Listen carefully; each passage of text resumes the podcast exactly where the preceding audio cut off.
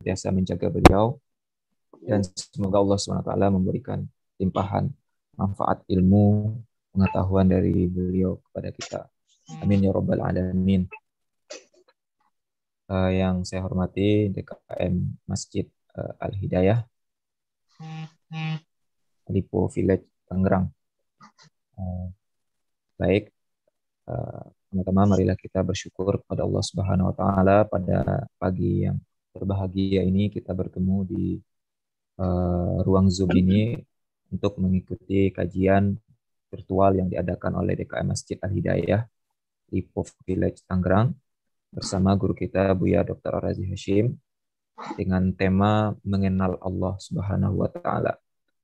Uh, sebelum uh, kemudian salawat dan salam marilah sama-sama kita kirimkan, kita doakan. Semoga senantiasa disampaikan oleh Allah Subhanahu wa taala kepada Nabi besar Muhammad sallallahu alaihi wasallam.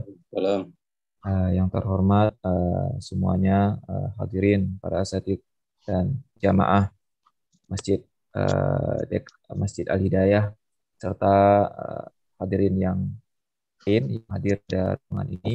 Sebelum memulai kajian ini sebagaimana permintaan dari Bapak Tri tadi uh, kita karena di masjid ini Al-Mukarram Abu Ya Arozi baru pertama kali mengisi kajian, maka jamaah Masjid uh, Al-Hidayah barangkali belum ada yang belum mengenal beliau, maka perlu setidaknya untuk memperkenalkan beliau terlebih dahulu. Baik, mungkin saya akan perkenalkan secara singkat saja. Uh, beliau Abu Ya Dr. Arazi Hashim, Taala uh, lahir pada tanggal 21 April tahun 1986 di kota Payakumbuh, Sumatera Barat. Beliau memulai pendidikan ilmu agama di kampung kelahiran beliau kepada guru-guru istana termasuk ayah beliau juga. Uh, beliau memulai mengkaji ilmu agama di surau-surau uh, uh, kepada masyayikh para buya yang ada di lingkungan beliau. Uh, termasuk mengkaji ilmu-ilmu alat uh, ilmu nahu sorof ilmu tasawuf bimbingan zikir itu sudah beliau lakukan semenjak beliau kecil uh, di dengan aktif di kampung beliau. Uh, kemudian beliau uh, melanjutkan di masa muda beliau juga beliau ikut berbagai macam uh, kajian atau aliran um, sejak uh, aliyah atau uh, SMA. Kemudian uh, selesai pendidikan aliyah, beliau melanjutkan pendidikan setelah um, apa melakukan istikharah. Uh, dahulunya beliau berkeinginan untuk melanjutkan ke Al Azhar Kairo Mesir. Kemudian hasil istikharah beliau menuntun beliau untuk uh, ke Ciputat sehingga beliau memasuki uh, kuliah di Universitas UIN, Universitas Islam UIN Syarif Hidayatullah Jakarta uh, pada jurusan filsafat. Nah, yang kemudian ini mungkin jadi catatan oleh sebagian orang. Tapi perlu diketahui di samping beliau kuliah di UIN di jurusan filsafat di Fakultas Suludin, beliau juga mengkaji mengkaji hadis secara uh, apa intensif kepada uh, Syekh uh, Ali Mustafa. Mohon maaf.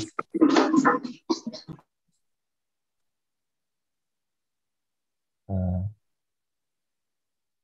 di Ma'had Darussunnah uh, Ad-Dauli Ulumil Hadis. Jadi beliau mengkhatamkan Kutubus Sita, kitab-kitab hadis, kitab-kitab induk hadis, dan juga ilmu-ilmu hadis di Ma'had Darussunnah di Ulumil Hadis di Ciputat uh, Ma'had atau pesantren mahasiswa yang mengkaji kitab-kitab hadis dan ilmu hadis dan juga kitab-kitab bidang lainnya termasuk fikih dan usul fikih yang menggunakan uh, bahasa Arab kajiannya. Di samping itu beliau juga menimba ilmu ke berbagai ulama selama di selama kuliah dan setelah kuliah uh, termasuk uh, beliau mengikuti kajian atau pendidikan khusus yang di uh, yang diampu oleh Syekh Hasan Hito, seorang ulama pakar mazhab Syafi'i, pakar akidah, pakar hadis dari Suriah, dari dari uh, Damaskus, yaitu Syekh Hasan uh, Muhammad Hasan Hito. Beliau belajar kepada Syekh Hasan Hito selama tiga tahun. Uh, ada tiga periode gitu, tiga tahun. Juga beliau belajar kepada guru-guru yang lain, termasuk Syekh Badi Al-Laham, uh, yang ahli dalam ilmu hadis. Kemudian Syekh uh, Taufik Ramadan Al-Buti, uh, dalam bidang fikih. Di samping itu beliau juga banyak beristifadah kepada masyaikh, ulama-ulama yang uh, dari Timur Tengah maupun di Indonesia. Kalau dari Timur Tengah biasanya yang datang ke Indonesia beliau istifadah. Uh, saya uh, ada beberapa kali mengiringi beliau belajar atau me, me, beristifadah atau menuntut ilmu ke beberapa ulama termasuk ulama-ulama dari Timur Tengah. Uh, dan beliau menyelesaikan pendidikan doktor di bidang akidah di UIN Syarif Hidayatullah Jakarta. Di kemudian beliau mengajar ilmu hadis, ilmu akidah di Darussunnah sudah belasan tahun berapa tahun itu? Kalau tidak salah ya sudah belasan tahun. Dan beliau juga mengajar di pasca sarjana untuk mahasiswa magister dan doktor di Institut uh, Ilmu Al-Quran Jakarta IIKI Jakarta. Sebelumnya hmm. juga beliau mengajar di uh, di Fakultas Usuluddin UIN Syarif Hidayatullah Jakarta. Mungkin uh, di samping itu beliau juga sampai saat ini beliau masih berguru belajar ke ulama. Jadi beliau tidak yang selalu memotivasi kita untuk belajar, mengajar dan belajar kalau kepada muridnya belajar dan mengajar dan sampai saat ini beliau juga masih belajar. Mungkin itu saja perkenalannya, mungkin terlalu panjang. Terima kasih. Silakan Pak Triadi, ada yang perlu disampaikan? Ya, Assalamualaikum warahmatullahi wabarakatuh. Waalaikumsalam. Bapak-bapak, ibu-ibu, adik-adikku yang dirahmati oleh Allah Subhanahu wa taala. Eh, pertama-tama kita jangan bersyukur kehadirat Allah Subhanahu wa taala bahwa sampai saat ini kita masih diberi suatu kenikmatan yang tidak berhingga yaitu nikmat sehat walafiat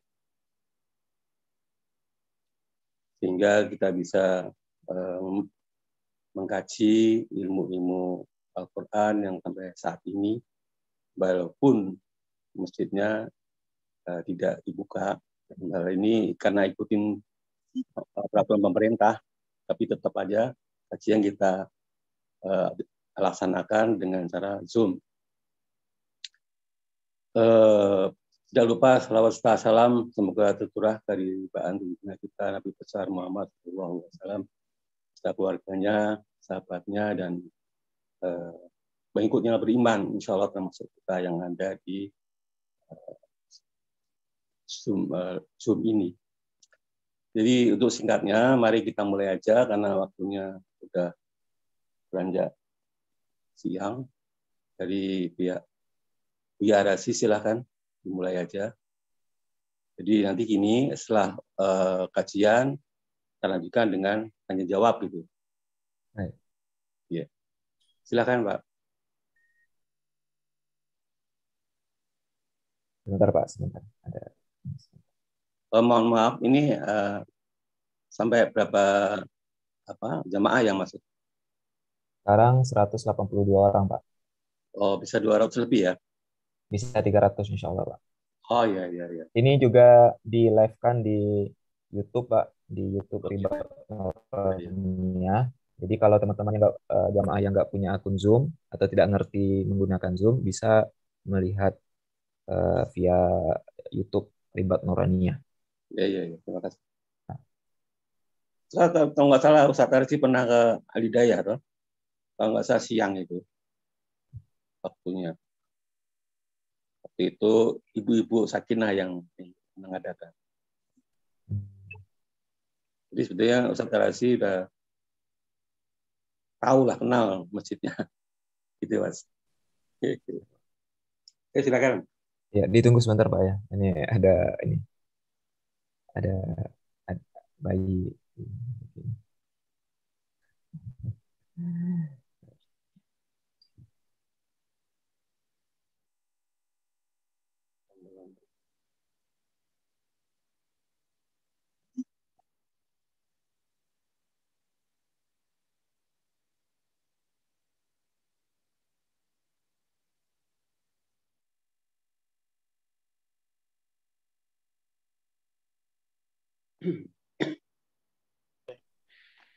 Baik, Assalamualaikum warahmatullahi wabarakatuh.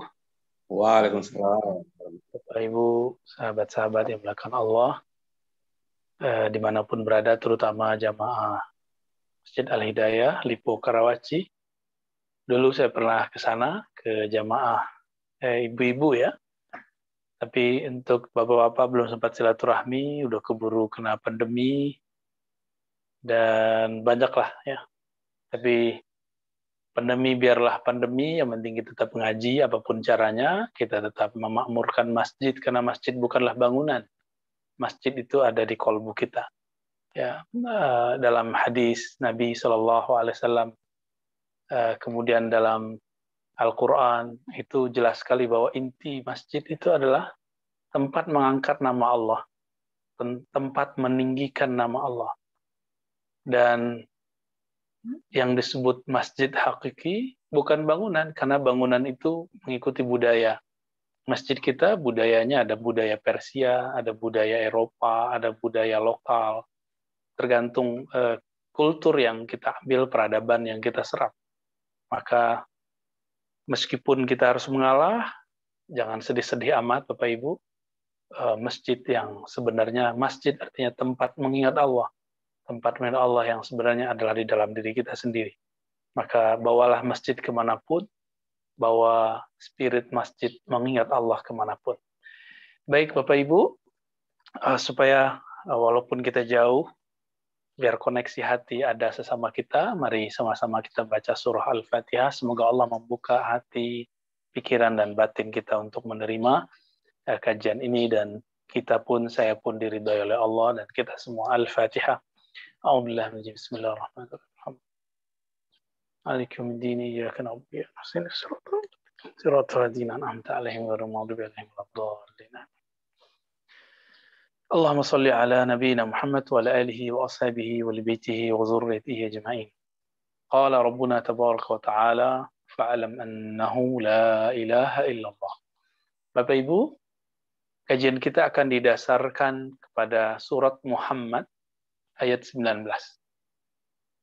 Jadi tema mengenal Allah diambil dari ayat ini, fa'alam annahu la ilaha illallah. Maka ketahuilah bahwasannya tiada ilah, tiada yang disembah, tiada yang dituju, tiada yang dicintai, tiada yang kita cari kecuali hanya Allah Subhanahu wa taala. Maka Bapak Ibu Saudara yang makan Allah, perintah ini kemudian diterjemahkan oleh imam kita Imam Al-Bukhari, Muhammad bin Ismail Al-Bukhari, pengarang Sahih Bukhari. Beliau menukil ayat ini lalu mengatakan dalam judul babnya Al-ilmu qabla al-qawli wal amal. Berilmu dulu baru berbicara, berilmu dulu baru e, beramal. Karena ilmu adalah amal yang sebenar-benarnya amal. Di mana letaknya ilmu? Ilmu itu terletak fi sudur al-alim di dada orang yang alim. Eh, dada itu bukan dada ini, dada itu bahasa Arabnya sadar. Sudur jamak dari sadar, sadar artinya sumber. Maka ketika disebut dada, kita tidak terjemahkan dada yang fisik, tapi yang dimaksud adalah sumber dari uh, spirit hidup kita di dalam tubuh ini. Apa kata Allah? Fa'alam ya, surat Muhammad ayat 19 silakan kalau uh, sempat di rumah dilihat ya. Fa'alam ini perintah. Maka ketahuilah. Ya. Surat Muhammad enak sekali ngafalnya surat Muhammad ayat 19. Maka ketahuilah ini perintah. Kalau Allah memerintah dalam Al-Qur'an ada satu kaidah yang disepakati oleh ulama kita al-aslu fil amri lil wujub. Pada dasarnya, ini pada dasarnya dan nanti yang di luar dasar itu. Pada dasarnya perintah itu wajib. Maka kita kemudian memenuhi panggilan Allah, perintah Allah mengatakan, maka ketahuilah. Mengetahui itu tentu dengan belajar. Maka dalam surat Az-Zumar ayat 9, Allah kemudian mengatakan, La yastawil ladina ya'lamun wal ladina la ya'lamun. Tidaklah sama orang yang ya'lamun Ya'lamun itu kata kerja dari jamak plural mereka yang tahu. Mereka yang belajar tahu. mereka yang mencari tahu, dengan orang-orang yang tidak tahu. Perbedaan kita di dunia itu adalah perbedaan perbedaan ilmu. Adapun turunannya harta, rumah, itu turunannya buah daripada si ilmu tadi. Karena orang berilmu dalam bab keagamaan, maka dia punya uh, darajah, punya derajat yang tinggi di sisi Allah dan manusia dalam bab keagamaan. Jika ada orang punya ilmu dalam bab uh, misalnya dia seorang ahli militer, dia seorang uh, polisi, maka orang yang berilmu biasanya dia naik kedudukannya. Begitu juga orang yang berilmu dalam bab perdagangan, usaha, dia biasanya akan memimpin, akan mengguide, akan minimal menjadi manajer lah, apa pun itu. Dan selanjutnya dan selanjutnya. Jadi perbedaan kita di dunia, bahkan di akhirat, itu adalah perbedaan ilmu. Bedanya apa? Di dunia, ilmu yang kita ketahui, yang kita ilmui adalah ilmu yang bersifat empirik atau materi. Ya. Objeknya adalah Eh, mendapatkan materi, mendapatkan kedudukan di dunia. Adapun ilmu di akhirat, tentu ilmu tentang makomat di surga dan mengenal yang punya surga. Bapak Ibu yang bukan Allah, sahabat-sahabat di mana pun berada, jemaah uh, Masjid Al-Hidayah, untuk mengenal itu, maka ada alatnya, ada perangkat, dan perangkat itu dalam diri kita. Kenapa hari ini ada orang ateis, ada orang agnostik, apa pun namanya? Itu karena tidak mau membuka pikirannya untuk masalah yang ini. Dulu ada namanya kaum sofis, ya, sofostaiyah kalau bahasa Arabnya. Kelompok yang meragukan semua hal. Sekarang berkamuflase, bermutasi seperti virus, ya, menjadi aliran-aliran yang mengingkari ada Tuhan. Adanya Allah pencipta alam semesta apa yang dikatakan oleh para ulama kita. Nah, saya uh, akan menyebutkan beberapa inti-inti dari penjelasan Imam Abu Hamid Al-Ghazali di dalam kitabnya Al-Munkiz Minad Dalal. Ya. Kalau Bapak Ibu sempat, silakan dicari. Ini kitab sudah diterjemah ya oleh beberapa penerbit saya lihat dan penerbitnya bagus. Imam Ghazali, selevel Imam Ghazali, sudah menjadi profesor di suatu kampus namanya Nizamiyah di zamannya, beliau wafat tahun 505, itu masih membutuhkan pencarian, pencarian, pencarian. Maka beliau mengalami beberapa fase-fase luar biasa. Di situlah beliau kemudian menemukan bahwa ilmu ini uh, dapat diketahui dan dapat dihasilkan dengan beberapa perangkat. Ah, perangkat ini akan akan menentukan apa yang didapat. Beliau membagi empat. Dan itu empat itu mulai dari bawah. Ilmu yang paling dasar disebut dengan ilmu hissi. Ilmu yang diperoleh dengan perangkat hissi. Uh, hissi ini Bapak Ibu, saya melihat, saya tahu. Bapak Ibu dengar, sekarang Bapak Ibu dengar, Bapak Ibu tahu. Kalau saya kemudian sentuh, oh berarti barangnya ada. Nah, kalau tercium, berarti kemudian, oh ini Eh, bendanya ada. Kita kalau eh, misalnya masuk ke rumah, kita mencium bau rendang, bau sop, oh berarti ada yang masak sop. Nah, ini namanya ilmu yang didapatkan berdasarkan panca indera. Ya. Jadi eh, bahasa kerennya hissi atau empirik. Bahasa kitanya panca indera. Nah, orang-orang yang mengatakan Tuhan tuh nggak ada. Kalau ada pasti terlihat. Kalau ada, kenapa dibiarkan orang kena pandemi? Nah ini kata-kata yang sangat lucu ya. Yang buat pandemi siapa ya? Yang yang menskenariokan pandemi siapa?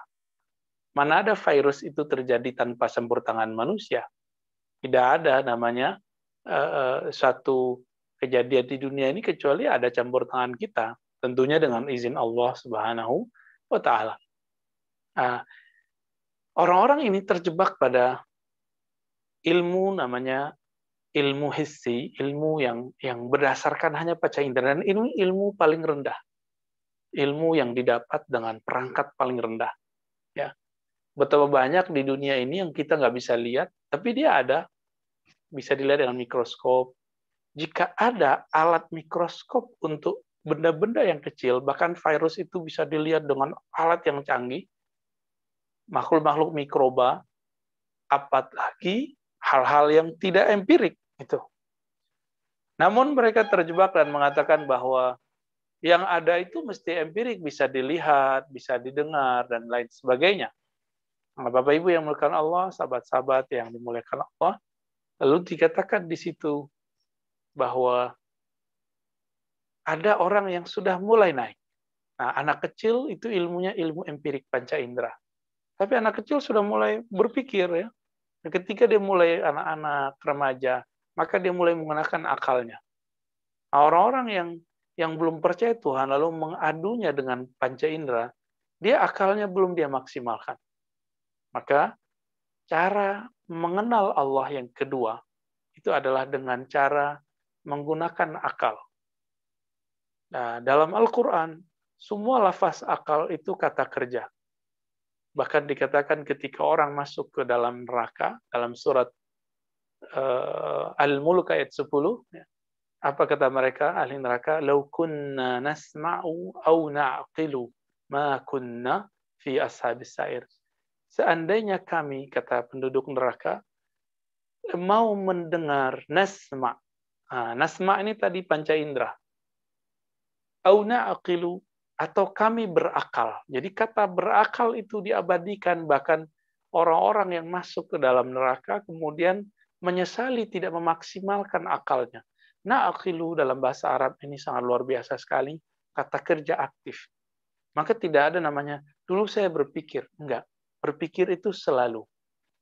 Berpikir itu beda dengan kepikiran.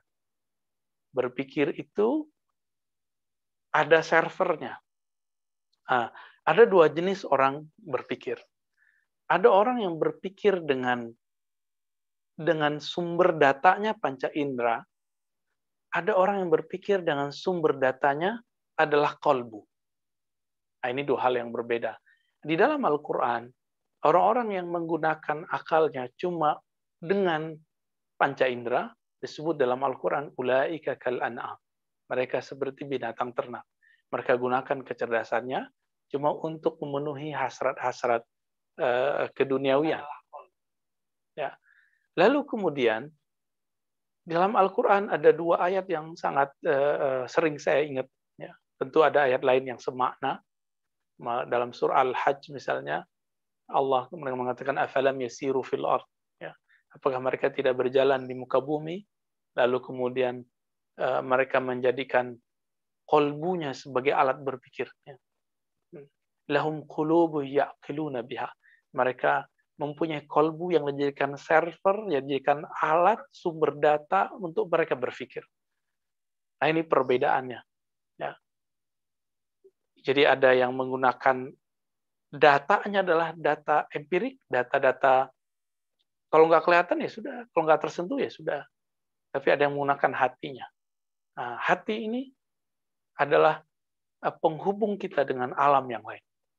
Bapak saudara sahabat dimakan Allah, lalu Imam Ghazali ketika bercerita tentang ini, beliau menyebutkan bahwa dalam bab akal ini ada beberapa ilmu. Uh, disebut dengan ilmu falsafah dan ilmu kalam, ilmu akidah. Jadi Imam Ghazali lama di filsafat, lama di ilmu kalam. Beliau mengatakan ilmu kalam adalah basicnya, ilmu akidah ya itu yang jadi perdebatan sekarang orang debat eh, mengenai Allah bersemayam di langit itu gimana atau tidak pergi gimana Allah berarah di mana. Nah ini perdebatan kalam. Ya saya rasa bapak ibu seumur ini eh, nggak usah berdebat di situ. Yakini saja apa yang Allah turunkan selesai. Ya. Kemudian eh, di filsafat Imam Ghazali bercerita saya di filsafat itu mempelajarinya setahun memurojaahnya, mengkaji kembali, menyimpulkan setahun, lalu kemudian menuliskannya pada tahun ketiga. Itu Imam Ghazali. Ya, seperti orang-orang di kampus kira-kira tiga tahunan. Lalu beliau melihat orang filsafat ini teori saja dengan akal. Betul, di akalnya luar biasa, tapi belum praktis. Cuma, teman-teman perlu diketahui, di antara ilmu filsafat yang dipelajari Ghazali adalah kedokteran ada ilmu handasa arsitek, ada ilmu hisab. Jadi ilmu kedokteran itu ada ilmu filsafat. Tapi filsafat yang mana? Filsafat terapan. Jika teman-teman bertanya, Ar-Razi itu ngaji filsafat, belajar filsafat, ahli filsafat. Iya, tapi saya filsafat murni. Saya tidak belajar filsafat terapan. Filsafat uh, yang kemudian sudah menjadi ilmu eksak. Ya. Hidup saya bersama hadis Nabi lebih lama daripada hidup saya bersama filsafat. Ya. Saya bersama hadis-hadis Nabi mengabdi sampai sekarang dari 2004 sampai sekarang. Hitung saja berapa tahunnya. Eh, adapun dengan filsafat, saya cuma lima tahun lah yang intens. Kemudian waktu saya kemudian jadi dokter, saya sempat mengajarkan dan mendiskusikan beberapa kitab filsafat dan kalam dengan mahasiswa S1, S2 di UIN. Waktu dulu masih mengajar di UIN sampai 2019 ya.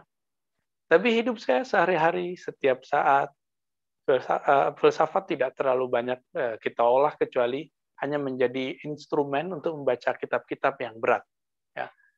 Saya lebih banyak dengan hadis Nabi, bahkan Allah takdirkan, Allah gerakkan hari ini, Allah ke saya, saya hadiah untuk bisa mengajar di uh, pusat Quran yang ada di Jakarta, ya, yang ada di sekitar Jakarta. Alhamdulillah. Ya. Jadi bacaannya Quran, Sunnah, Quran, Sunnah, dan dan semua ilmu ini ada di tataran ilmu akliyat, akal. Jadi ada ilmu akal yang uh, untuk agama, ada ilmu akal yang untuk falsafah. Uh, sahabat-sahabat yang melakukan Allah, filsafat ini tidak semuanya haram. Imam Ghazali rahmatullah alaih menulis kitab Al-Munkis min kemudian sebelumnya ada Maqasid Falasifah, tujuan-tujuan berfilsafat para filosof, itu kemudian membagi bahwa filsafat itu ada yang haram, filsafat itu ada yang ada yang makruh, ada yang boleh itu, ya.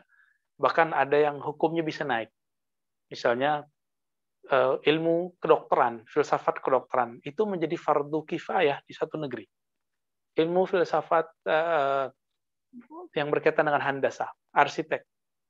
Maka saya heran teman-teman yang kemudian membenci filsafat, tapi itu menjadi alat dia makan dan hidup di dunia ini. Ya. Dia mengharamkan filsafat, tapi ternyata dia belajar kedokteran, belajar biologi, belajar arsitek, belajar matematika, dan dia kemudian hidup dengan itu. Betapa tidak mengertinya orang ini, apa yang dia katakan, apa yang dia lakukan. Ya. Maka kemudian Imam Ghazali menemukan apa kelebihan dari ilmu ini. Nah, kelebihan ilmu ini yang luar biasa. Teman-teman, ada orang yang gagal dalam bab akal meskipun dia bergelar, meskipun dia kemudian mempunyai basic yang luar biasa dalam pendidikan. Masih ingat dulu ada Kanjeng Dimas, diikuti oleh seorang yang intelektual, karena orang yang intelek ini melihat si Kanjeng Dimas bisa mengeluarkan duit. Bisa mengeluarkan duit, lalu dia mengatakan, saya melihat dengan mata kepala saya bahwa dia bisa mengeluarkan duit. Itu keramat. Tidak, Bapak Ibu yang melakukan Allah. Imam Ghazali mengatakan begini, nah ini ini panduan buat kita supaya mengenal Allahnya lebih utuh. Apabila kata Imam Ghazali ini ya, ada orang merubah tongkat atau batu menjadi emas. Lalu dia mengatakan, satu tambah satu sama dengan seribu saya tetap tidak percaya. Saya yang saya lihat betul, yang saya lihat emas. Mata saya mengatakan emas. Tapi akal saya mengatakan apa? Satu tambah satu dua, bukan seribu. Meskipun dia menunjukkan bahwa kerikil bisa menjadi emas, satu tambah satu tetaplah dua. Jadi keramat, kejadian luar biasa, magic, tidak pernah merubah paradigma akal tidak akan pernah merubah cara berpikir kita. Semoga obrolan saya tidak terlalu berat ya. Walaupun ini ini memang mukodimah, ini sangat diperlukan. Nah, Bapak Ibu yang bukan Allah, apa perbedaan yang pertama dan kedua? Kalau ahli agama, dia terjebak pada empirik. Pertanyaannya, mana teksnya, mana dalilnya? Pertanyaan yang sama disampaikan oleh orang yang ahli akal. Jadi kalau yang pertama tadi, orang empirik, panca indera, dia butuh dalil yang ada tulisannya, teksnya, ada kitabnya. Sedangkan kelompok yang kedua ini, kelompok ahli akal, dia bertanya dalil bukan dalil teks, tapi pembuktian secara rasional. Walaupun teks mengatakan apa pun, tapi kalau tidak nyambung dengan rasionya, dia nggak percaya. Itu sebabnya, eh, mohon maaf, beberapa orang yang belajar filsafat atau eh, ilmu-ilmu uh, akliyat, ilmu-ilmu yang berkaitan dengan rasio, logika, itu kadang-kadang mengkritisi teks orang-orang yang berpegang kepada teks. Dia tidak menolak Allah, tidak menolak Rasul, tapi dia menolak cara orang-orang kelompok pertama memahami teks. Itulah sebabnya kenapa terjadi perdebatan antara Allah itu di langit atau tidak perlu tidak perlu bertempat. Allah bertempat atau tidak bertempat. Orang yang mengatakan Allah bertempat itu karena ada teksnya menyebutkan ada 6 sampai 7 ayat di Quran Ar-Rahman alal istawa. Allah bersamayam di atas aras. Nah, ini kan menunjukkan tempat. Tapi orang-orang yang berakal ini kemudian mempertanyakan, terus sebelum Allah menciptakan aras, menciptakan langit, Allah di mana? Nah, maka terbentur-benturlah di situ. Ya. Jadi orang ini sebenarnya sudah beda kelas. Kemudian yang kedua, yang ketiga, ada kelompok yang sudah masuk kepada akal terapan. Ini yang disebut orang-orang laboratorium, orang-orang kedokteran eh, praktis ya, ahli kimia praktis. Kalau tadi kimianya murni, matematikanya murni, kedokterannya murni. Sekarang sudah masuk ke alam praktis dunia lab, klinik. Nah, itu yang disekolahkan hari ini ada sekolah kedokteran, Eh, jurusan teknik sipil dan segala macamnya. Dan mereka punya kaidah. Apa kaidahnya? Yang disebut ilmu itu sesuatu yang sudah diuji secara keilmuan. Makanya, kenapa sekarang eh, eh, lembaga-lembaga kesehatan di dunia itu, kemudian seperti WHO atau kedokteran kedok, ahli-ahli kedokteran di mana pun, itu susah percaya dengan jamu-jamu di negeri kita. Meskipun kitab-kitab mengenai jamu itu sudah banyak. Masalahnya cuma satu. Mereka tidak menolak bahwa jamu-jamu itu berkhasiat. Tapi kajian mengenai jamu-jamu, penelitian mengenai jamu-jamu itu belum ada yang terekap secara uh, stand, apa secara ilmiah, standar-standar keilmuan kedokteran. Dulu ada orang sakit, diobati dengan temulawak 40 hari sembuh, tapi tidak ada laporannya. Beda dengan uh, kedokteran barat hari ini, mereka uh, mencoba satu obat, lalu ada percobaannya, ada ada perkembangan indikatornya uh, dalam sekian bulan apa yang terjadi, bulan berikut apa yang terjadi. Ini tidak dilakukan dalam uh, apa terapan jamu. Bukan berarti jamu ini tidak tidak ada, gitu. tapi tidak teruji. Maka bagi level ketiga ini, kalau tidak teruji, maka dia tidak ada. Nah, kalau dia orang ahli agama, nah ini mulai hobi nyoba-nyoba Allah. Contohnya gini, kata Ustadz Fulan, sedekah bikin duit banyak. Coba ah. Gitu. Kalau terjadi, dia percaya. Kalau nggak terjadi, dia nggak percaya kepada agama kita. Kata Ustadz Fulan, ngelihat mobil bagus, baca sholawat nanti dikasih Allah. Ah, coba ah. Dicoba, dicoba. Ada yang berhasil, dia percaya, tambah kuat beragamanya. Ada yang tidak percaya. Kata Ustadz Fulan, kalau sakit kala begini, rukyah. Kalau yang sembuh, dia tambah kuat. Yang nggak sembuh, dia nggak kuat. Jadi, kepercayaannya itu berdasarkan percobaan. Nah, ini kemudian menjadi masa depan ilmu pengetahuan di dunia.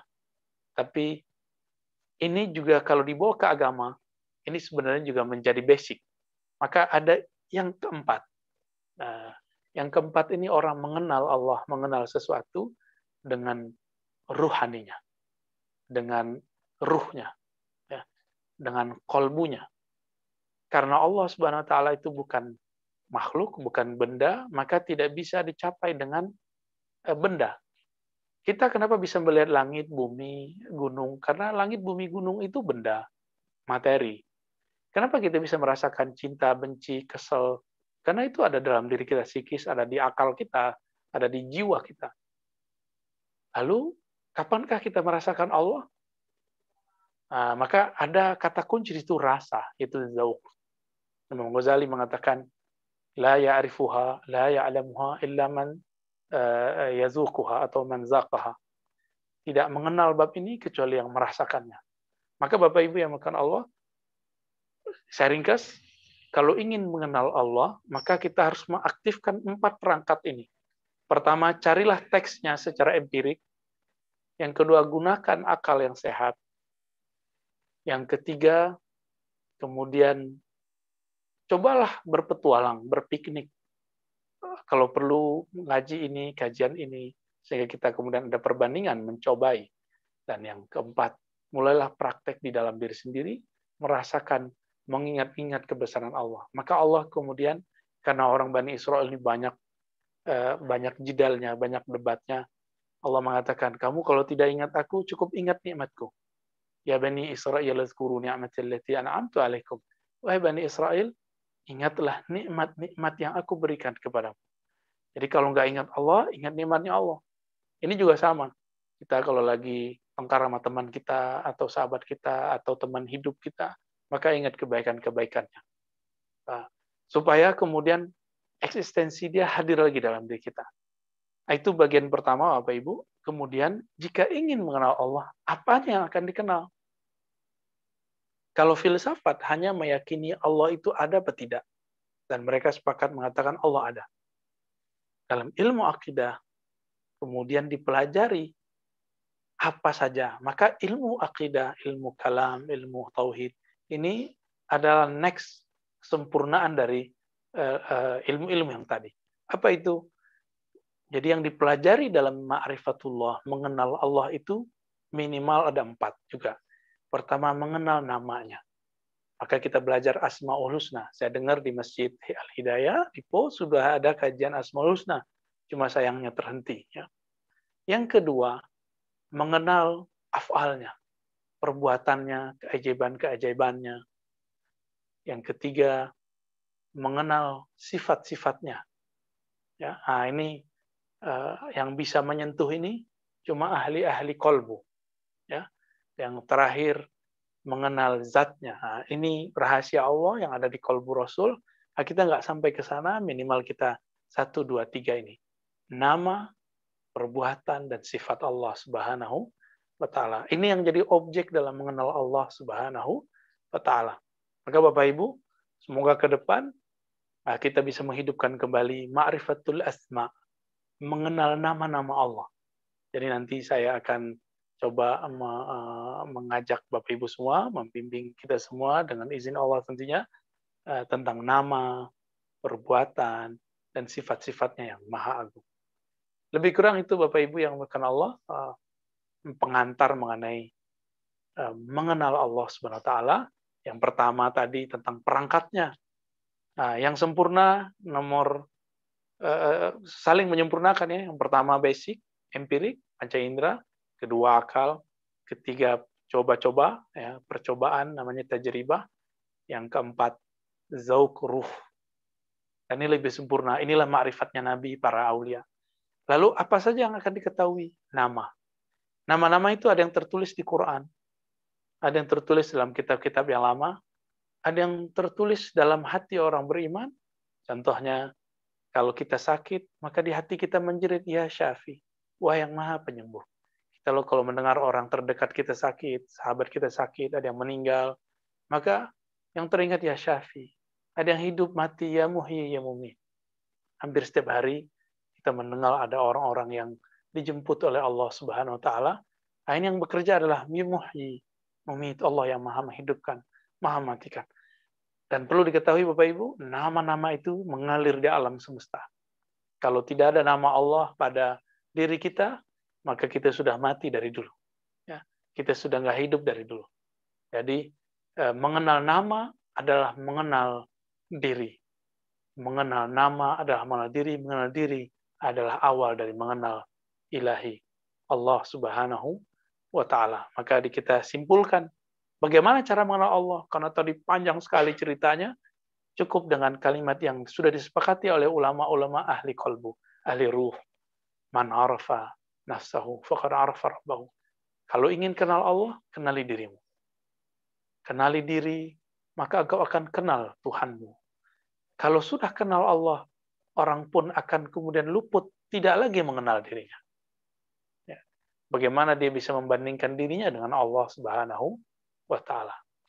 Baik, Bapak Ibu yang melakukan Allah, semoga ini pengantar bagaimana kita mengenal Allah Subhanahu wa taala dengan cara yang sudah diwariskan oleh Nabi, para sahabat Nabi dan ulama-ulama yang arifin, alimin.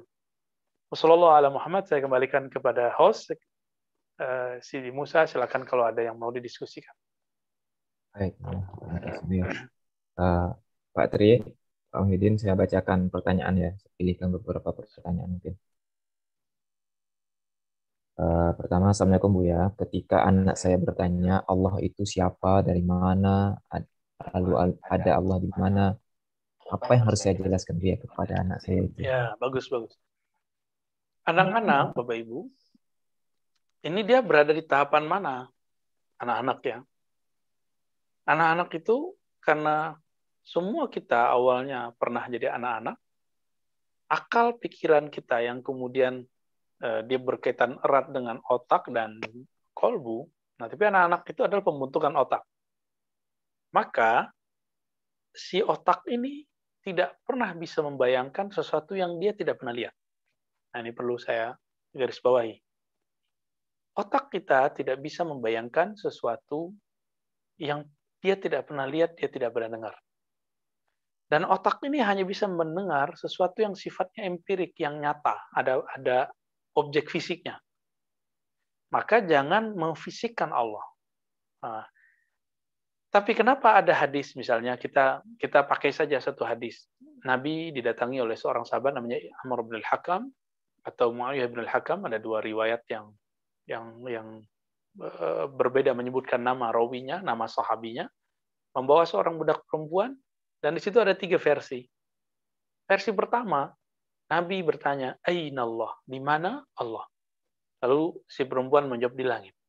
Ini kalau kita mengikuti ilmu ilmu yang ilmu yang tadi saya sebut dengan ilmu epistemologi atau bagaimana cara mengenal sesuatu.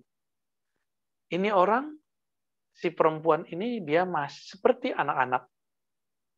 Uh, makanya Imam Ibnu Hajar mengatakan orangnya nakisul akal atau semaknanya ya kasirul akal akalnya tidak se semaju tidak se selengkap sesempurna orang yang yang berakal ya jadi dia masih kayak anak-anak ketika dia mengatakan jawab fis sama di langit berarti dia menolak berhala maka Nabi menganggapnya mukmin itu baru satu versi di versi yang kedua tidak disebutkan bahwa perempuan ini Eh, kurang akalnya.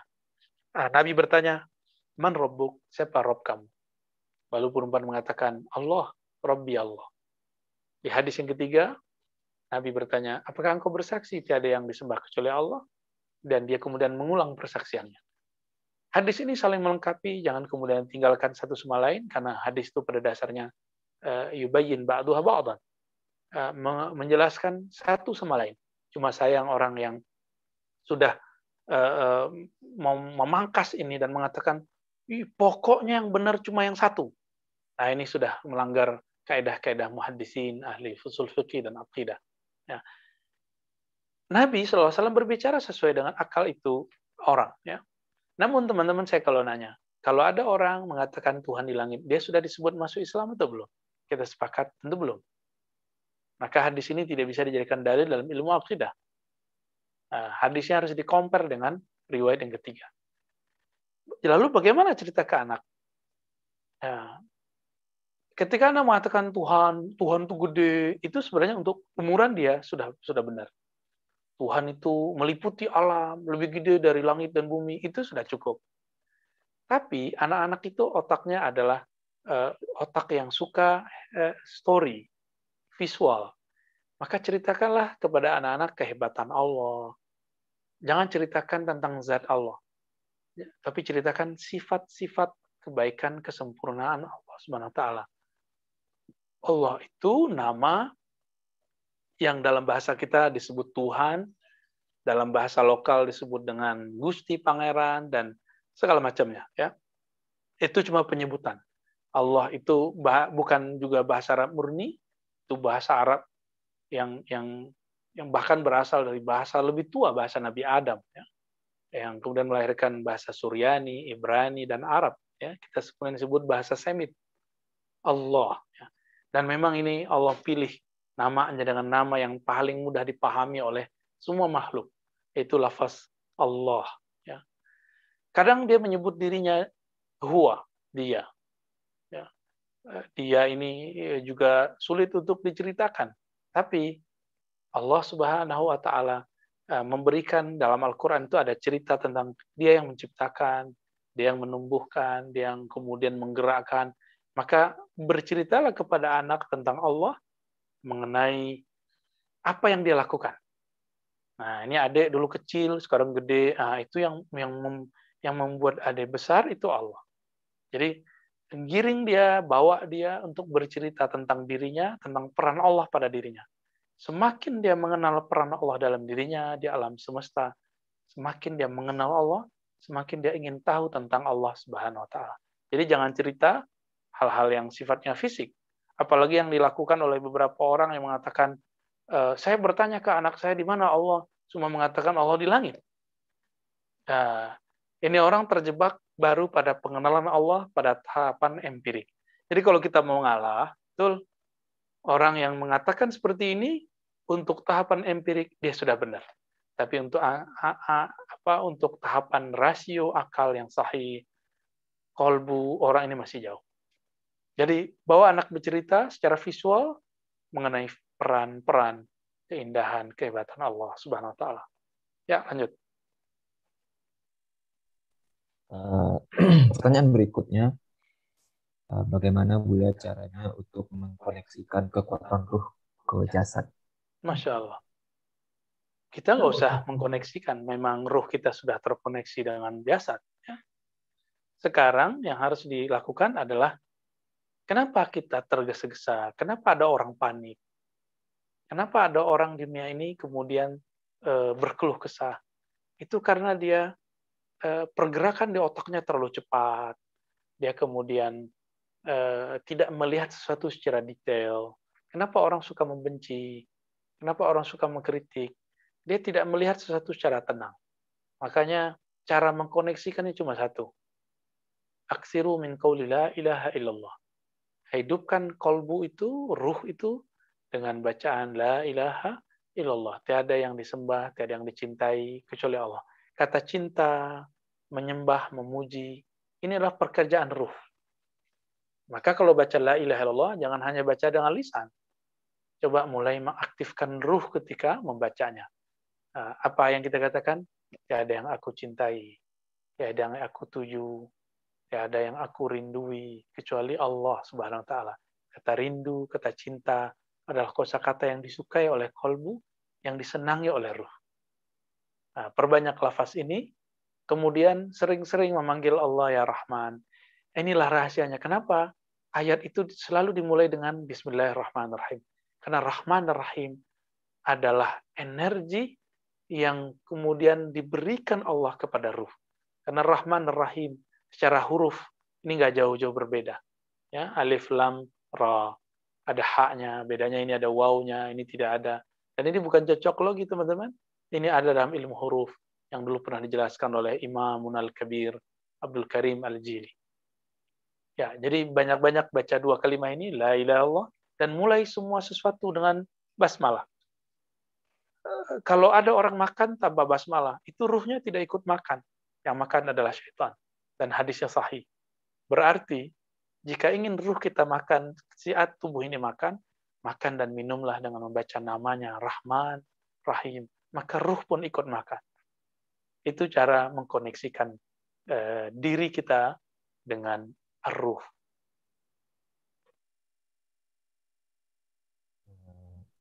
Pertanyaan berikutnya, dari segi apa ilmu kedokteran masuk dalam bab filsafat terkait bahasan ini? Belajarlah sejarah filsafat. Bukalah kitab-kitab filsafat. Sebagai contoh, siapa tokoh filsafat yang kita tahu? Tentu teman-teman tidak uh, asing dengan nama Aristoteles. Tidak asing dengan nama Socrates, Aflatun, Plato. Itu untuk Greek, Yunani hmm. kuno.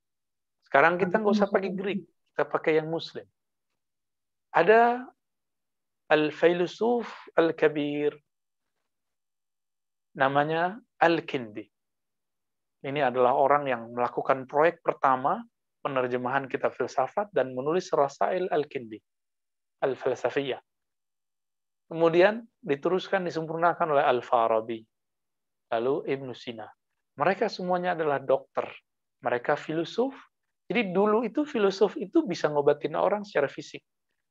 Lah saya disebut filosof, saya nggak bisa ngobatin kecuali pikiran Anda ya, pikiran antum. Ya kalau kalau ngobatin hati, insya Allah eh, ilmunya perangkatnya ada sama kita. Bukan berarti saya juga langsung bisa ngobatin tidak. Tapi kalau ngobatin uh, fisik saya nggak bisa. Itu filsafat terapan yang masuk ke dalam ilmu tip terapan. Uh, Ibnu Sina, Ibnu Sina punya kitab Ashifa. Orang yang tidak mengenal apa arti, arti kitab Ashifa. Ashifa artinya penyembuhan. Teman-teman barangkali kaget. Kitab Ashifa, penyembuhan Ibnu Sina, bukan dimulai dari penyembuhan fisik. Jilid pertamanya adalah Al-Ilahiyat, penyembuhan yang berkaitan dengan ilmu keilahian. Jadi dia ingin mengobati akal pikiran seseorang mengenai konsep bertuhan, bertuhan kepada Allah. Ada ada satu jilid tebal ya, saya suka sekali baca kitab itu dulu waktu masih kuliah dan mengajarkannya waktu S2. Ternyata dekat sekali dengan dengan ilmu akidah. Cuma pengantarnya karena filsafat muternya eh, sangat jauh ya. Barangkali kalau kita mengkaji kita nggak ada yang kuat ya. Kemudian beliau nulis tentang ya, tobiyah. Baru di situ kemudian masuk bab kedokteran. Jadi kedokteran itu masuk ke filsafat tabi'iyah, uh, filsafat uh, tentang bab fisik. Ya. Jadi kalau dibagi oleh beliau filsafat ada yang fisika, ada yang metafisika. Ini yang membagi imam-imam itu sendiri. Ya. Dan ada yang di antara keduanya yaitu ilmu matematika. Jadi teman-teman mohon maaf ya, orang-orang di luar sana itu kayak burung beo. Dengar ada ustadz, ada syekh mengatakan filsafat haram. Tapi si syekh ini sendiri nggak paham filsafat yang mana. Akhirnya membeo, lalu ikut-ikut mengatakan, oh filsafat haram, filsafat haram, mantik haram. Tapi dia lupa. Ada yang mereka itu dulunya belajar matematika, ada yang hobi matematika, ada yang bukan buah bimbel matematika, ada yang hidupnya dengan ngitung-ngitung. Itu semua ilmu falsafah. Antum haramkan, antum makan dari situ. Ya. Lanjut. Assalamualaikum warahmatullahi wabarakatuh. Buya izin bertanya mengenai perbuatan Allah itu contohnya bagaimana? Eh, mengenal perbuatan Allah itu contohnya bagaimana? Ah, sabar, nanti kita bertahap akan masuk ke sana. Jadi nanti kita mulai dari nama, lalu perbuatan, lalu sifat. Sabar ya. Next next time, insya Allah kalau umur kita panjang, kajian kita berlanjut di mana pun ya. Uh, izin bertanya Bu ya untuk memulai zikir, zikir apa yang harus dibaca? Uh, doa zikir. Apakah zikir Asma Husna? Zikir yang paling afdol sebelum semua jadi mulai adalah istighfar. Jadi sebelum kita berzikir, mulailah syahadat, penyaksian kepada Allah, perbaharui terus syahadat kita. Uh, tidak usah hiraukan beberapa aliran yang mengatakan syahadat kamu tidak benar harus disyahadatin ulang. Enggak. Kita nggak usah disyahadatin oleh orang. Syahadatkan diri sendiri. Lalu beristighfar. Lalu bacalah mana yang mau kita baca sesuai bimbingan dari guru-guru kita. Ya, Allah Pertanyaan berikutnya, uh, ma'rifatullah yang kita bahas ini bedanya dengan asma wa sifatnya salafi apa? Beda lah kalau di Salafi dibagi tiga, eh, yang pertama tauhid rububiyah, tauhid uluhiyah, tauhid asma wa sifat. Dan ini berdasarkan eh, pandangan manhaj eh, empiriknya Ibnu Taimiyah. Dan ini berbeda dengan yang sudah diwariskan oleh ulama-ulama sebelum Ibnu Taimiyah, eh, Imam Abdul Hasan Ash'ari, Maturidi, Imam uh, Abul, Imam Al-Junaid, uh, Imam Al-Kushairi, Imam Ghazali. Jadi yang kemudian berkesesuaian dengan Sahih Bukhari, Sahih Muslim, dan yang paling saya suka adalah beberapa keterangan dalam Sunan Tirmizi, uh, ahli hadis, murid Imam uh, Al-Bukhari. Baik. Berikut ini ada pertanyaan terkait dengan uh, takwil yang dilakukan oleh Sunnah jamaah. Kalau di, uh, kemudian diprotes oleh sebagian Ustadz Salafi, kalau diartikan istiwa sebagai berkuasa, lalu bagaimana sebelum aras itu diciptakan? Apakah Allah belum berkuasa? Baik, teman-teman. Itu pertanyaan karena tidak belajar kaidah-kaidah akidah. Allah itu dulu, sekarang, nanti sama aja. Karena kata dulu, sekarang, dan nanti tidak berlaku pada Allah. Maka pertanyaan Allah sebelum menciptakan aras tidak berkuasa? Ini pertanyaan yang kemudian disebabkan karena asumsi yang tidak tepat. Maka ya, nanti bertahap saya akan coba jelaskan bagaimana cara berpikir tepat mengenai Allah supaya tidak bertanya sesuatu yang tidak pas. Nah, perdebatan-perdebatan tadi bisa bahkan bukan hanya dihindarkan, tapi dihilangkan sama sekali, bahkan runtuh. Baik perdebatan yang dilakukan kelompok tekstual, eh, salafi, ataupun kelompok kontekstual yang suka mentakwil. Nanti bisa hilang semua.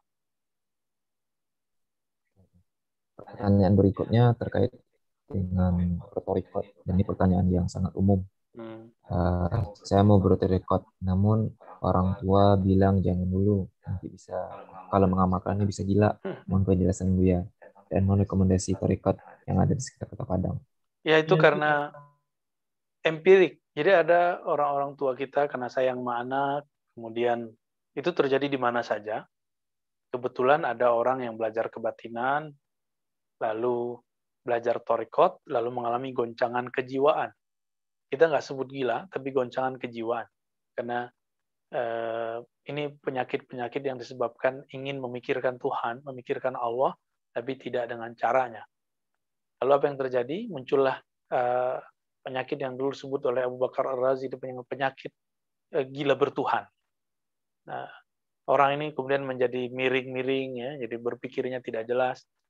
Uh, yang selalu menjadi uh, objek untuk bahan bulian itu selalu korban yang dizolimi adalah kelompok sufi. Jadi saya melihat para sufi, para ahli tarekat, para ahli tasawuf ini sudah dizolimi lama, terutama dalam bab gila dan menggila ini. Padahal hal ini tidak ada kaitan dengan gila. Coba lihat hari ini banyak orang gila, banyak orang stres, apakah karena dia belajar tasawuf? Tidak. Teman saya kuliah S2 di UIN jadi gila karena memikirkan proposal. Teman saya ada yang gila karena putus cinta. Apakah kemudian kita nggak boleh jatuh cinta? Ya, teman kita ada yang gila karena dia tidak masuk PNS. Apa kemudian bapak, ibu melarang anaknya masuk PNS? Teman saya ada yang gila karena gagal jadi caleg. Apakah kita ngelarang orang menjadi wakil rakyat eh, bertarung dunia politik. Jadi kaedah-kaedah ini karena orang awam mempunyai kelemahan perangkat akliyah akal, dia memukul rata. Oh berarti masuk tasawuf gila dong. Nah inilah yang terjadi pada orang yang mengharamkan ilmu kalam, yang mengharamkan ilmu tasawuf, yang mengharamkan ilmu-ilmu yang dia nggak ngerti. Yang paling lucu, orang mengharamkan ilmu kalam, tapi pakai definisi Syekh Soleh Usaimin. Ibnu Usaimin ya. Lah Ibnu Saimin nggak ngerti filsafat dan kalam. Lalu kenapa dipakai definisi dia? Sama. Kita bertanya penyakit jantung, nanyanya kepada dokter umum. Jadi nggak ngerti, dia cuma mengerti eh, pertanyaan-pertanyaan umum. Eh, betapa banyaknya hari ini orang tidak mengamalkan satu ayat. Fas'alu ahla dzikri in kuntum la ta'lamun. Bertanyalah kepada orang alim jika kamu tidak tahu. Maka dalam bab ini orang tua tidak jadi rujukan, yang jadi rujukan adalah ulama. Apa tarekat yang bisa dipelajari? tarekat mana saja yang bersanat, yang kalau bisa tidak jauh-jauh dari pesantren, tokoh-tokoh di keulamaan yang mengerti akidah halus sunnah, dan dia mengamalkan syariat secara apik, meskipun tidak sempurna, tapi minimal dua, dua pencirian itu, bersanat dan bersyariat. Alas? Ya? Mungkin ada pertanyaan lagi terkait dengan buku akidah. Oke. Okay. Ada buku akidah yang, uh, ada buku akidah yang ditulis oleh Syekh Said Sabik. Apakah buku itu bagus untuk dipelajari atau ada uh, Oke, okay, Said Sabik pada dasarnya dia akidahnya Ahlussunnah Syariah waktu tinggal di Mesir. Lalu ketika pindah ke um, Saudi, beliau nulis kitab fikih sunnah, kemudian nulis kitab al-aqidah al-islamiyah. Di situ beliau menyembunyikan uh, keasyariannya. Ya, tapi saya masih melihat ada sisi-sisi itu dan lumayan bagus. Cuma sayangnya di fikih sunnah, beliau terjebak pada satu fikih yang fikihnya sudah masuk ke bab akidah murjiah. Oke, di bab riddah, bab murtad, bahwa beliau bercerita tentang kalau ada orang fisiknya menyembah gunung, menyembah matahari, berhala, tapi hatinya tidak menyembah, maka dia tidak kafir. Uh, Syed Sabik ini barangkali uh, ingin berhusnuzon, berhukum dengan hukum akal, hukum kolbu, tapi tidak pada tempatnya. Akhirnya ini kemudian uh, dikritisi oleh banyak ulama, ulama Libanon, ulama Suria, uh, mengenai uh, apa yang ada dalam kitab fikih sunnahnya. Adapun kitab akidahnya boleh dijadikan ibrah, bacaan, dan sangat bagus dijadikan sebagai uh, tambahan wacana buat kita. Ala kulihal beliau rajul saleh, orang baik. Dulu yang pernah ketemu beliau sering itu uh, guru kita Said uh, Agil Munawar ya, mantan menteri agama yang dulu waktu belajar di Madinah dan di Mekah pernah bertemu dan belajar beberapa kali. Orangnya pendiam, orangnya sangat bersahaja, tidak banyak komentar, sangat baik, karena khairan, ya, salihan. Gimana, Sidi Musa, Pak Mahyudin, Pak Pengurus? Oke, Assalamualaikum, Pak Cukup barangkali ya? Uh, ada lagi nih. Pak masih ada pertanyaan? Ada lagi Pak Ustaz. Banyak ya. Uh, saya mau tanya Pak Ustaz. ya mungkin satu lagi pertanyaan lah silakan. Hmm. Ini banyak yang orang yang ilmunya mungkin ya timin haula. Hmm? Min uh, min jamaah lipo. Fi mujud? Assalamualaikum Ustaz. Nah, lama lama masalah itu.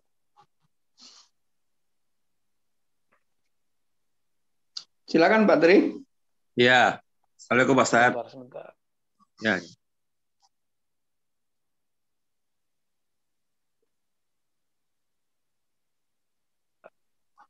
Udah? Ya, silakan, ya. silakan Pak Tri. Hmm. Silakan Pak, baru saya uh, baru bisa, baru bisa dengar. Ya, Ustaz. Ya, Assalamualaikum. Silakan Pak. Ya, saya Trihadi, Pak. Baik. Saya mau tanya nih sekarang ini banyak orang-orang yang punya ilmu dunia cukup punya akal yang cukup cukup lah kalau kita bilang. Hmm. Tapi mereka mereka ini terjebak sama yang tadi Ustaz katakan satu tambah satu itu seribu. Gitu. Ini penyakit dari mana? Terus kita bisa lihat kalau misalnya pas mau pilkada, mau pil apa-apalah, hmm. pilgub, ya itu banyak orang-orang yang misalnya nih ke Gunung Kawi lah, ke Gunung apalah. Yeah. Ini kan kita terjebak sama satu tambah satu sampai dengan seribu. Yeah. Mereka gampang dipengaruhi oleh orang-orang yang nggak sekolah. Mm-hmm. Ya ini, gimana nih logikanya? Saya juga belum bisa berpikir kenapa yeah. mereka mereka terjebak sama yang ini. Padahal kita kan udah ada Al-Quran, Sunnah. Betul. Ada guru-guru kita ini banyak mau pakai YouTube apa aja bisa dari hmm. ustadz ini ustadz itu kitab juga udah banyak yang diterjemahkan mereka juga bisa baca bisa bisa lihat bisa ini menurut Pak Ustaz gimana Pak Iya itu yang dikatakan dalam surat Al-Mulk tadi laukunna nasma'u au naqib. Coba kalau kami mau mendengar hmm. atau mau berpikir, nah, mereka nggak mau berpikir di situ. Jadi ada satu ungkapan ini Pak. Orang yang sedang terdesak, baik karena persoalan duniawi, politik, eh, sakit, hidup susah, maka daya tawar akalnya itu rendah. Daya tawar akalnya rendah, apalagi daya tawar iman. Karena dia ikut, misalnya dia sakit, pengen sembuh. Kata orang, kalau datang ke gunung itu atau ke dukun itu sembuh, maka dia tidak pakai akal lagi. Dokter yang sudah cakep begitu rapi itu nggak sembuh-sembuh. Masa dengan eh, dukun yang dia sendiri kesakitan di badannya nggak bisa menyembuhkan, itu datang ke sana. Yang paling lucu orang pengen sugih, pengen kaya, datang ke dukun yang dukunnya miskin. Ini lucu sekali ya. Yang lagi artis-artis ingin mempertahankan popularitas datang ke dukun yang yang dia nggak populer. dan dia nggak bisa populer. Pakai susuk lah ya. dan itu kan menyengsarakan diri. Nah, ini kenapa? Karena ada desakan-desakan pada hajat hidupnya. Jadi bapak ibu jika ingin menjadi makhluk yang utuh jangan pernah goyah oleh oleh hajat-hajat tadi.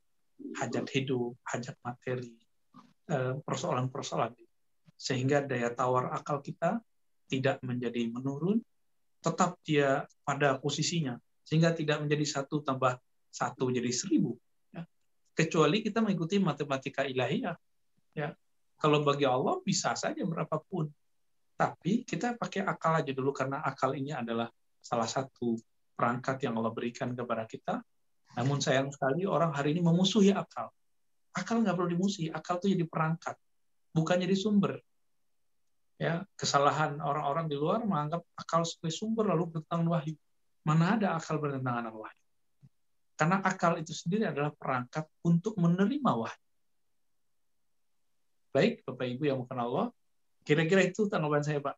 Daya tawar yang rendah disebabkan karena jepitan hidup kebutuhan yang lebih besar apa keinginan yang lebih besar daripada kebutuhan. Allahu a'lam bishawab Silakan kalau ada yang tanya dari jemaah Hidayah, silakan Pak.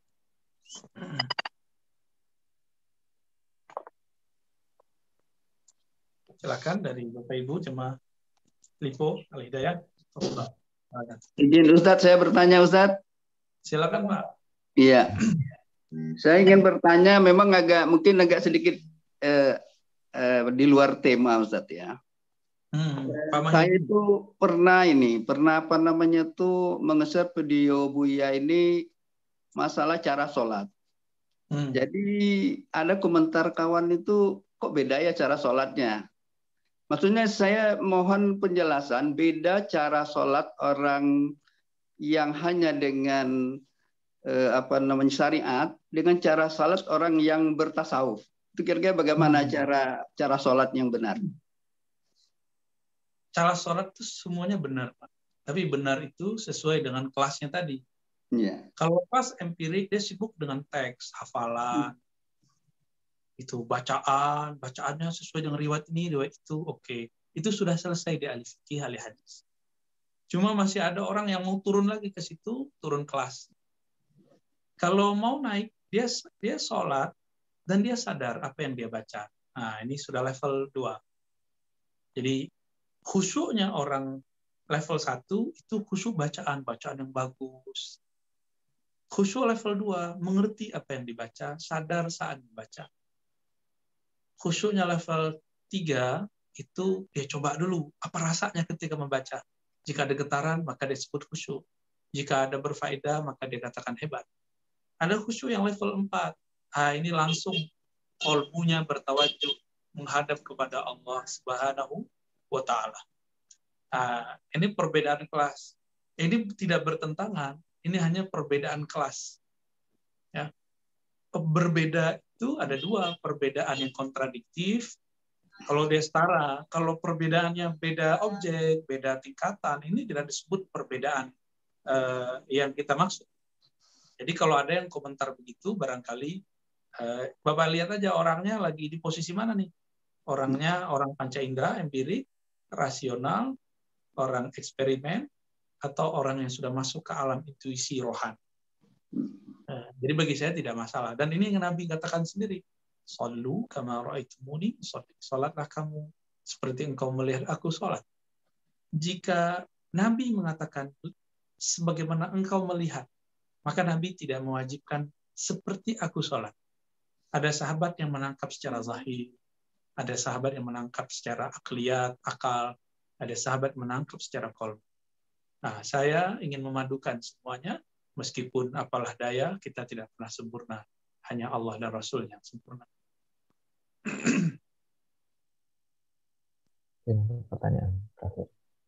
Ya, gimana? Ada masih ada lagi? Cukup barangkali. Nah, Oke lah. Kalau nggak ada lain, kita tutup aja, Pak Ustadz. Baik, baik. Ya, saya tutup dari saya. Sebelum saya kembalikan kepada host. uh, dengan baca kafarah subhanakallah wa bihamdika asyhadu an la ilaha semoga kita diberkahi Bapak Ibu jaga kesehatan. Uh, taati saja apa yang sudah disepakati oleh orang yang mengurus negeri kita. Nggak usah terjebak konspirasi karena pikiran konspiratif bisa mencederai uh, psikis kita. Assalamualaikum warahmatullahi wabarakatuh Waalaikumsalam warahmatullahi wabarakatuh Syukuran jazakumullah khair jazak. Terima kasih kita aturkan kepada guru kita Abu Ya Dr. Azim Hashim dan kepada DKM Masjid Al Hidayah.